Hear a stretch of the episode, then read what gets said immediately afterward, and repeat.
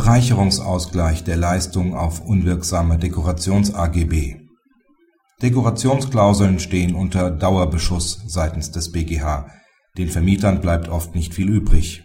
Jetzt kommt auch noch der Bereicherungsausgleich auf sie zu.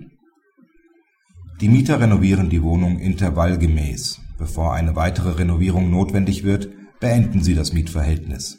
Da Endrenovierung vereinbart ist, führen sie auch diese aus, verlangen später aber vom Vermieter Ersatz des Aufwands (9 Euro pro Quadratmeter weil der Kläger zugleich Fachhandwerker ist. Der BgH spricht ihnen Bereicherungsausgleich zu, verneint aber den Anspruch aus Geschäftsführung ohne Auftrag, da dem Mieter, in der Annahme einer eigenen vertraglichen Verpflichtung leistend, der dafür notwendige Fremdgeschäftsführungswille gefehlt hat. Auch ein Schadensersatzanspruch kommt nicht in Betracht, weil nicht ersichtlich ist, dass der Vermieter in irgendeiner Weise schuldhaft gehandelt hat. Die mietvertragliche Endrenovierungsklausel ist unwirksam ein Rechtsgrund für die Leistung des Mieters mithin nicht mehr ersichtlich. Die Bereicherung bemisst sich nach dem Wert der rechtsgrundlos erbrachten Leistung. Dies sind zumindest die Materialkosten. Soweit der Mieter an Bekannte oder Verwandte auch eine Vergütung zahlt, muss diese ebenfalls angesetzt werden. Auch der Einsatz des Mieters an freier Zeit wird berücksichtigt.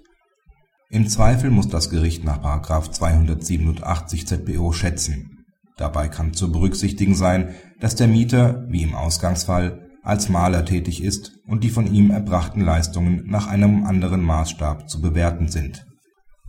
Praxishinweis Der BgH beendet eine in der Literatur seit Jahren geführte Diskussion.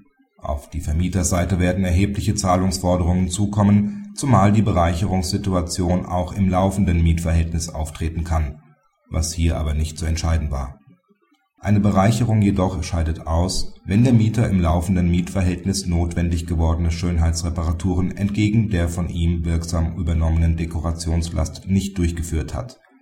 Denn dann liegt eine Bereicherung nicht vor, weil der Vermieter, wenn auch verspätet, nur die Leistung erhält, die der Mieter ohnehin hätte erbringen müssen. Wirtschaftliches Ergebnis der Rechtsprechung wird ein Steigen der Mieten sein.